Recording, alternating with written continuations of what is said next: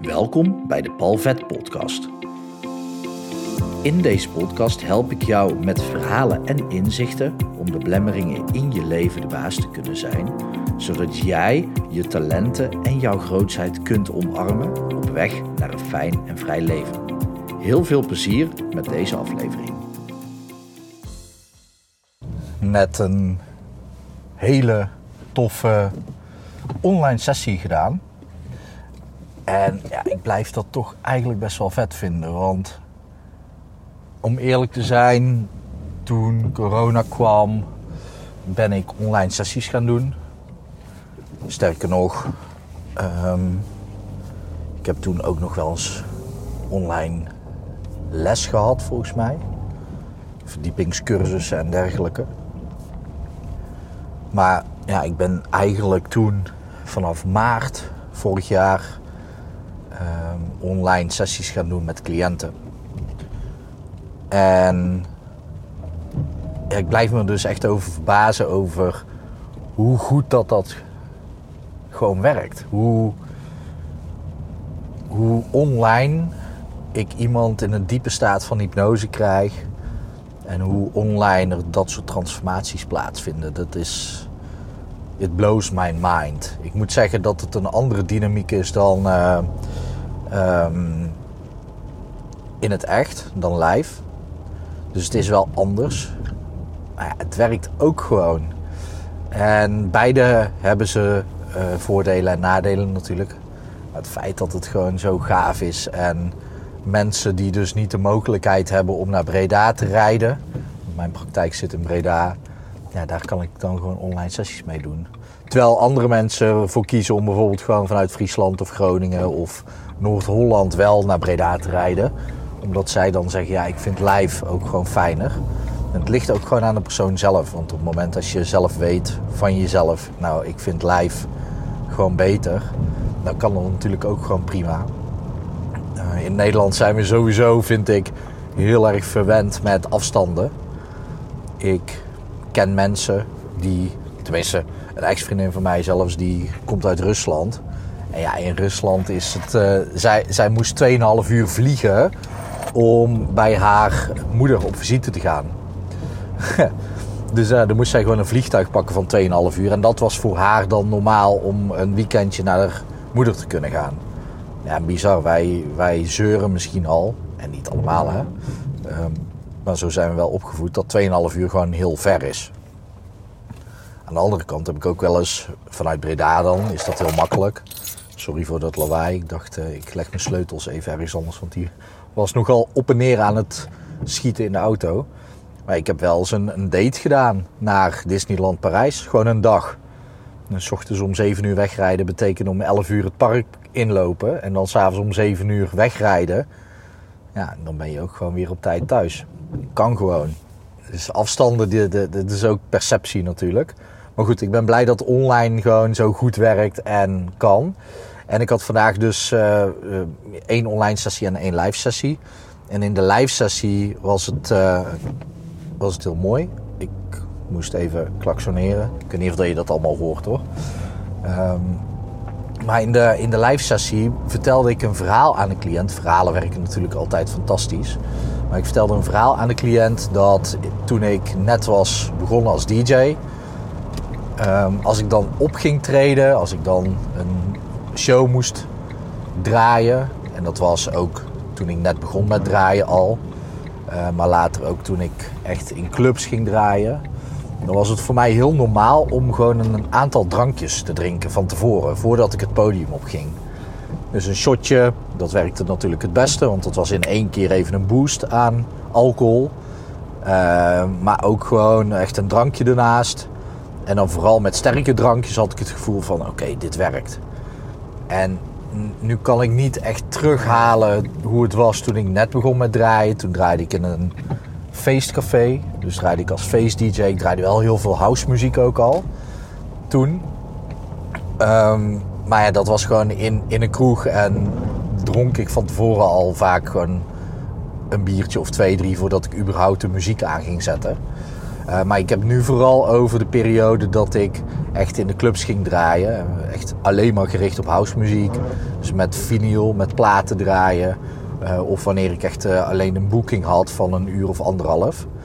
Um, ja, dan was ik ook gewoon gewend om, ja, voordat ik dan startte, voordat ik mijn koptelefoon inplugde en daadwerkelijk op play drukte en mijn muziek, de muziek die ik draaide, het was niet, vooral in het begin niet mijn eigen muziek, die maakte ik toen nog niet, later wel.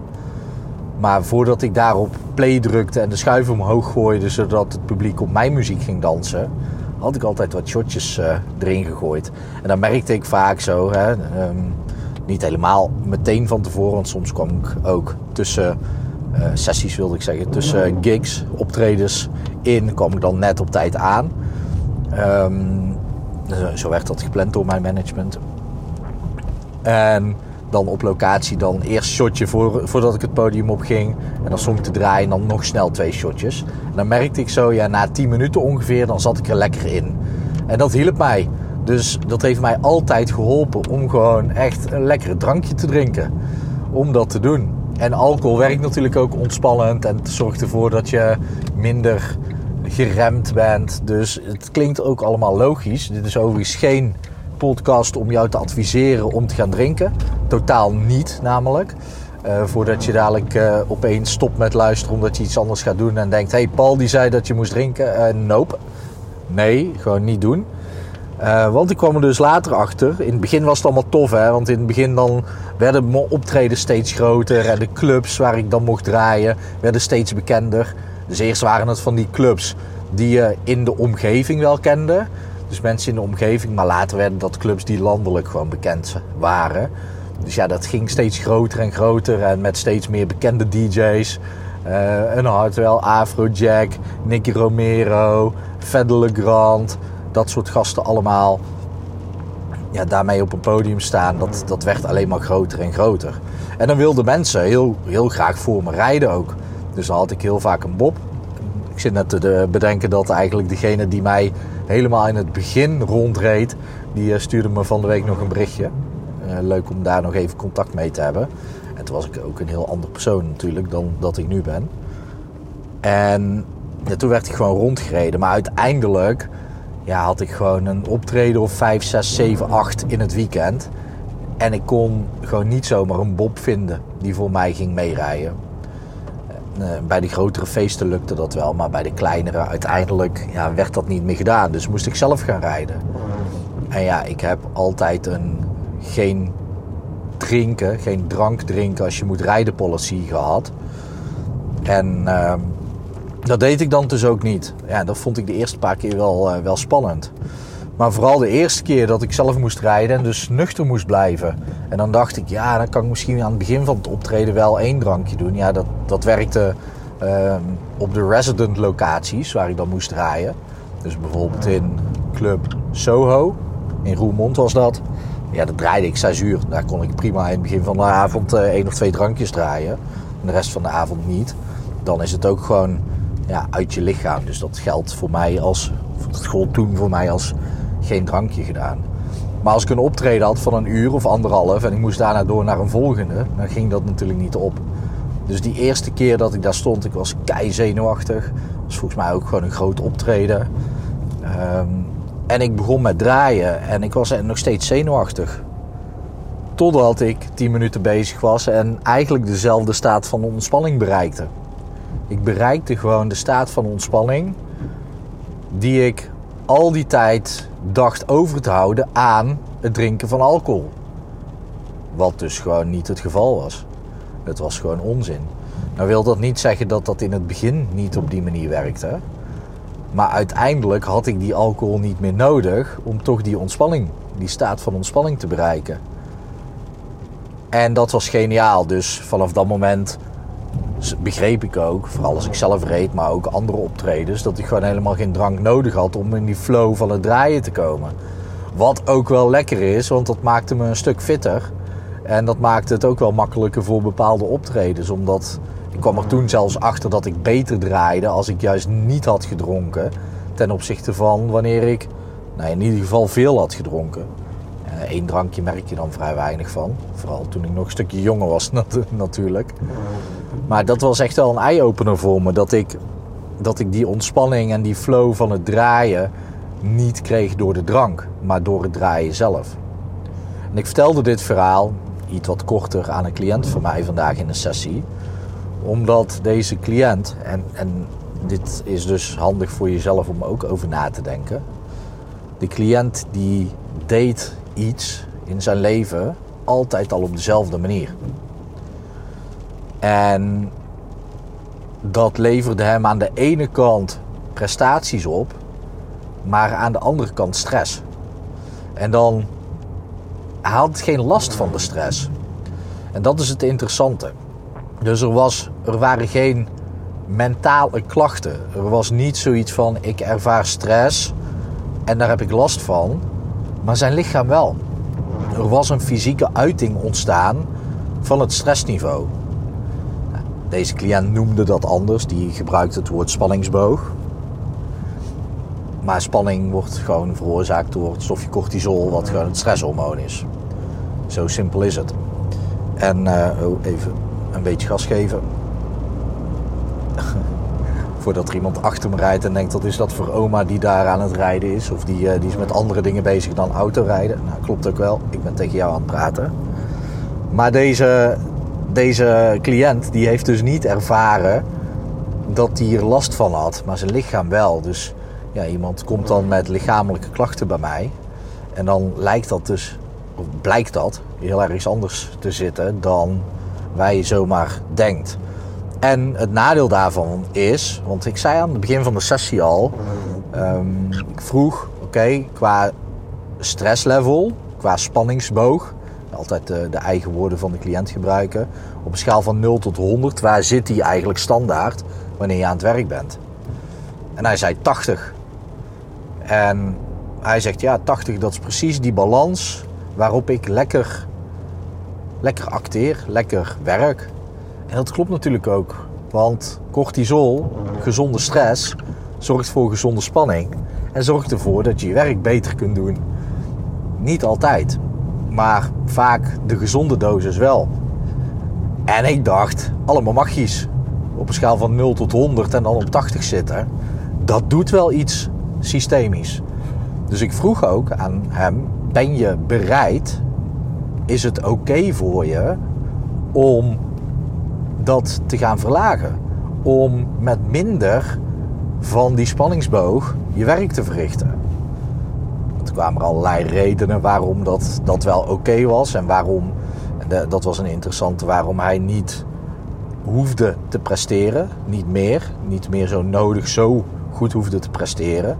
Dus hij had eraan gekoppeld dat hij de spanningsboog nodig had om te presteren. Maar hij had dus gezegd: oké, dat is niet meer nodig om dat nog te doen. Dus ik, nou, ik voelde aan de ene kant, ja, dat klopt niet helemaal. Hij heeft niet door wat het nou daadwerkelijk inhoudt om dat niet meer te doen. En met dat bedoel ik die spanning. En aan de andere kant, hij zit zo in zijn hoofd dat hij hier wel akkoord mee gaat. Dus we zijn die sessie verder gaan doen.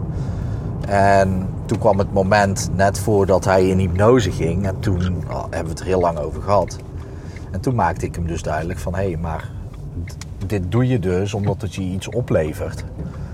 En dat is met al het gedrag. Ik, ik zal het nog een keer herhalen. Dat is eh, in een andere podcast echt al vaker besproken. Maar alles wat je doet, levert je in ieder geval op onbewust niveau op iets op. En dat wat je doet, dat is gedrag, maar dat zijn ook fysieke dingen. Als er niks beschadigd is, als er medisch gezien bewezen is dat er niks is beschadigd, dan, dan doe je het. Dan is het een gedrag. En dat klinkt gek, maar bijvoorbeeld een allergie, dat is ook iets fysieks, een fysieke uiting. Maar ook dat doe je. Ook dat doe je. En ja, dat is gewoon heel bijzonder. Want op het moment dat je dus gewoon weet dat, ehm, dat, dat alles wat je doet of alles wat er in je leven is, dat je dat iets oplevert. Dan kan je dus ook met je onbewust een soort van uh, compromis sluiten om iets anders te gaan doen. Om ervoor te zorgen dat datgene wat het je oplevert, dat je blijft opleveren. Dus dat is vaak iets wat ik in de eerste sessie met cliënten doe.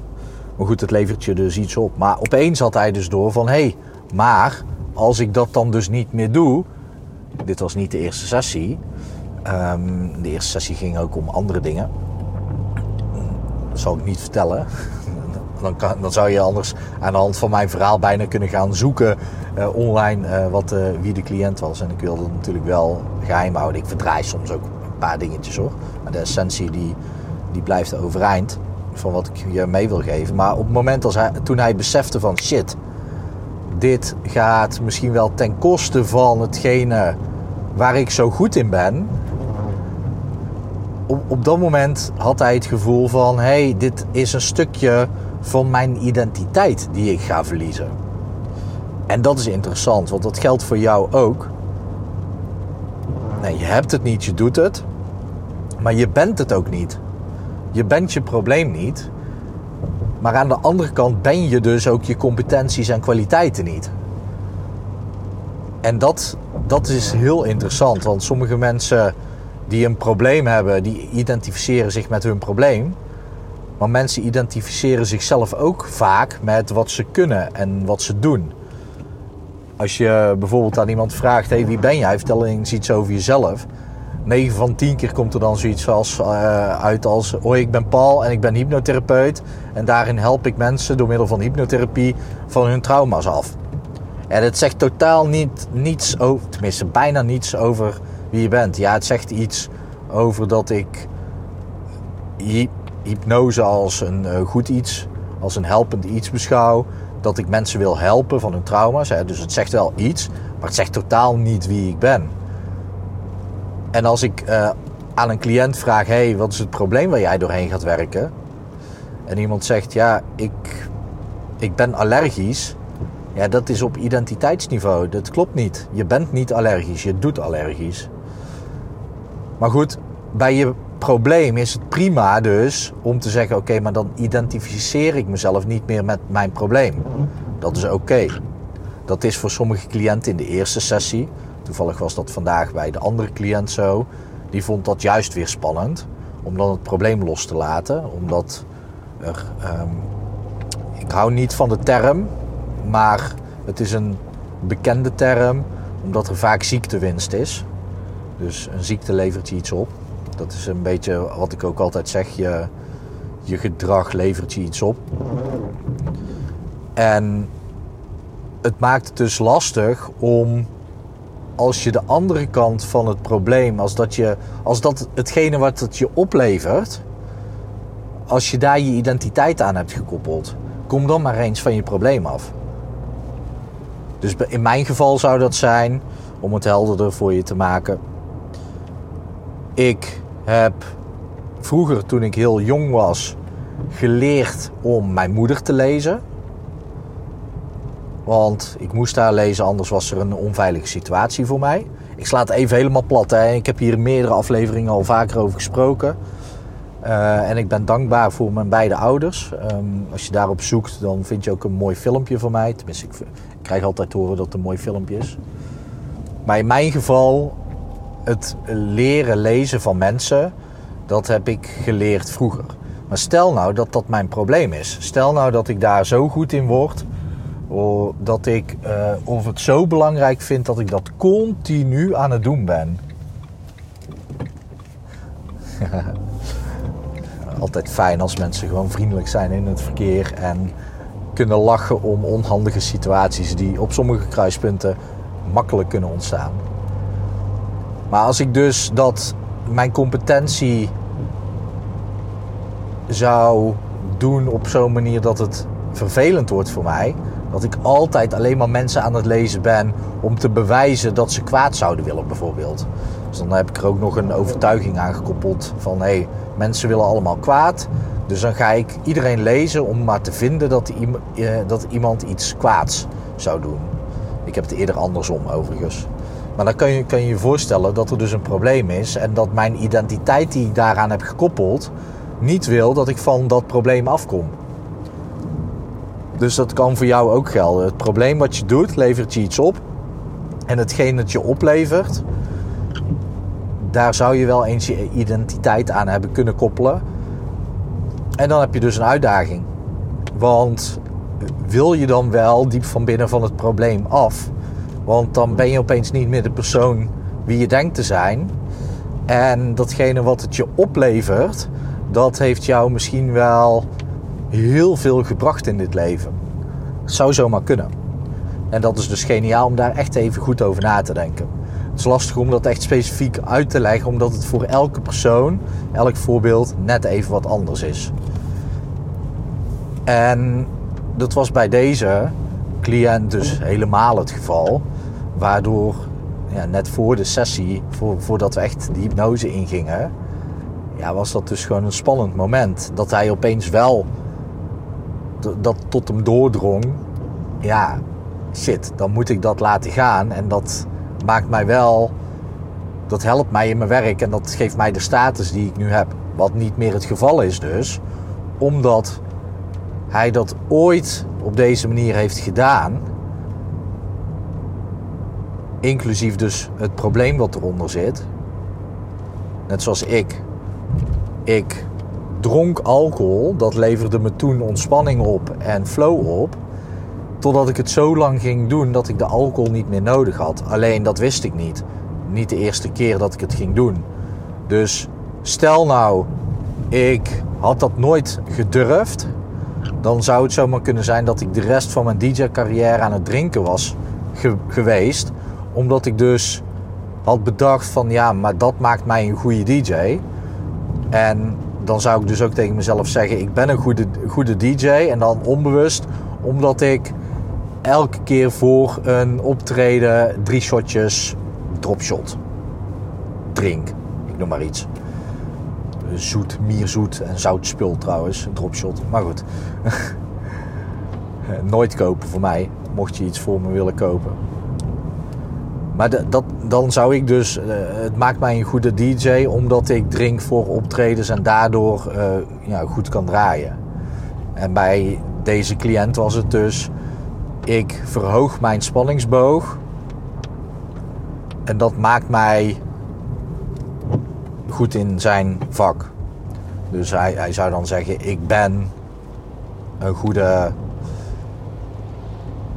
boekhouder ik ben een goede accountant, ik ben een goede coach, ik ben een goede therapeut. En dan met daaronder dus de reden omdat ik zo goed kan presteren onder die spanningsboog van 80. En dat is voor jezelf super, super, super interessant om eens te onderzoeken. Wat levert het jou op, jouw probleem? En dan kan je dus denken aan in je leven welke competenties en kwaliteiten heb je ontwikkeld door jouw probleem. Je kan ook naar de basisbehoeftes kijken. Ik hanteer altijd die van Tony Robbins, vind ik makkelijk. Zekerheid, dat is één. Onzekerheid, twee. Van betekenis zijn, drie. Liefde slash verbinding, vier. Vijf groei en zes geven. Dus daar kan je ook naar kijken. Maar het is misschien leuker om echt eens even te kijken naar Um, welke kwaliteiten of competenties heb je ontwikkeld door, dankzij het probleemgedrag waar je nu dus juist vanaf wil. En dat is echt een interessant iets om te onderzoeken voor jezelf. Echt heel interessant. En op het moment dat je dat weet, dan kan je kijken naar: oké, heb ik dat gedrag nog nodig om die competentie of kwaliteiten Ehm, competentie of kwaliteit, misschien zijn het er meer, kan natuurlijk ook, om die in stand te houden? Of heb je dit probleem 20 jaar gedaan, heb je daardoor al die kwaliteit ontwikkeld en hoef je het probleem niet meer te doen? En zodra jij voor jezelf de beslissing neemt: ik hoef het probleem niet meer te doen en ik behoud die bepaalde kwaliteiten en competenties, dan ontstaat er, als je dit echt tot je door laat dringen, rust in je hele systeem. Want dan kom je los van die identiteit die hij had gekoppeld aan het probleem. Dan ben je het probleem niet meer. Dan zou je later nog wel kunnen zeggen: Ik ben en dan je kwaliteit. Dus ik ben zelfverzekerd. Ik ben een goede, goede DJ. Ik ben een geweldige hypnotherapeut. Ik ben een geweldige danser. Ik ben een geweldige schrijver. Ik ben een geweldige coach. Ik ben een geweldige ondernemer. Dat zou je natuurlijk ook wel allemaal kunnen doen, want dat helpt je. Dat helpt je. Maar dan moet je het wel eerst los hebben gehaald van het probleem. Wat daar misschien aan gekoppeld zit. Dus ga dat voor jezelf eens uitzoeken. En dan ben ik heel erg benieuwd of dat, dat ontrafelen uh, makkelijk lukt. En ja, ik ben vooral benieuwd hoe jij hier heel veel uit hebt weten te halen. En het is niet eens de vraag of, omdat deze koppeling, die halen mensen niet zomaar los. En dat is zonde. Dat is echt zonde op het moment als je dat niet doet. Het kan wel een uitdaging zijn om het even goed te vinden. Sowieso vinden mensen het lastig om te zeggen dat ze een kwaliteit bezitten. Dus vanaf nu kan je zeggen: ik ben iemand die het makkelijk, die mijn kwaliteiten makkelijk kan uitspreken. En dan kan je gewoon wel identiteitsniveau pakken. Nou, ze hebben hier uh, flink aan de weg uh, getimmerd. Een raar, raar spreekwoord zit ik te bedenken. Aan de weg timmeren. Nou, ze hebben hier in ieder geval flink aan de weg geasfalteerd. rare, rare zinsbouw. Maar op het moment dat jij dus iemand bent die goed zijn of haar kwaliteiten kan benoemen, dan kan je dat vanaf nu dus. Dat is gewoon een beslissing. Dan neem je gewoon een beslissing. Ik kan dat en ik doe dat. Nou, op het moment dat je dan hebt gedaan, dan ga je onderzoeken: dankzij welk probleemgedrag wat ik nu doe, heb ik die kwaliteiten ontwikkeld. Als je dan dat probleem... En probleemgedrag is geen mening vanuit mij, hè. Probleemgedrag is het gedrag waar jij zelf problemen mee hebt. Waar jij vanaf wil. En uh, ja, als je dat dan doet en hebt los, uh, losgekoppeld... en over alles zegt ik doe in plaats van ik ben... behalve de dingen die je wel wil zijn... zoals een uh, goede partner of ik ben fit, ik ben gezond. Dat dat helpt natuurlijk allemaal. Anders voor dit, dit stukje moet je even de podcastaflevering over affirmaties of affirmeren checken. Maar dan gaat je dit enorm veel helpen. Nou, ik ben bijna op plaats van bestemming. Alsof het zo moet zijn. Want volgens mij is het, uh, het verhaal zo wel afgerond. Ik hoop natuurlijk dat het goed met je gaat. En ik hoop dat het goed gaat met dierbaren van je. Mocht het zo zijn dat je echt zelf niet van je probleem uh, probleemgedrag af kan komen. Wat natuurlijk kan, hè? want ik, ik geef je inzichten. En voor sommige mensen is dat levensveranderend. Die kunnen dat zo in één keer bij zichzelf ervaren, voelen en meteen toepassen. Net zoals ik laatst ook een bericht kreeg van iemand die mijn MP3 had gevolgd over rust, ontspanning en vertrouwen. Die kan je overigens gewoon vinden onder hypnopal.nl slash gratis. Gewoon even je gegevens achterlaten, krijg je meteen toegang tot mijn online omgeving. Daar vind je onder andere die MP3 voor rust, ontspanning en vertrouwen. En iemand was alleen door die MP3 gewoon totaal van de paniekaanvallen tijdens het autorijden afgekomen. En daarvoor was ze al naar eh, een uh, psycholoog geweest. Uh, nog een andere psycholoog had ze EMDR gedaan. NLP had ze gekregen, een traject. En medische hypnose, een traject. Wat allemaal niet geholpen.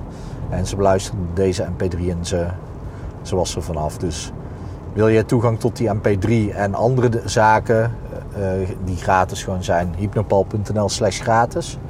Ik vind het ook leuk als je me zou volgen op Instagram, hypnopal.nl. Je mag me ook gewoon even toevoegen op LinkedIn. Om daar te connecten vind ik ook leuk. Dan kan ik ook een beetje zien uh, wie jij bent. En ik zeg dat gekscherend, dus wat jij doet. Eh, dus voeg me vooral toe op LinkedIn en daar kun je me gewoon onder mijn eigen naam vinden, Paul Vet. Ik hoop dat je een super mooie dag gaat hebben. Ik weet natuurlijk niet wanneer je dit luistert. Ga je slapen, zeg ik wel trusten. Slaap zacht. En anders zou ik zeggen, maak nog iets moois van de rest van je dag.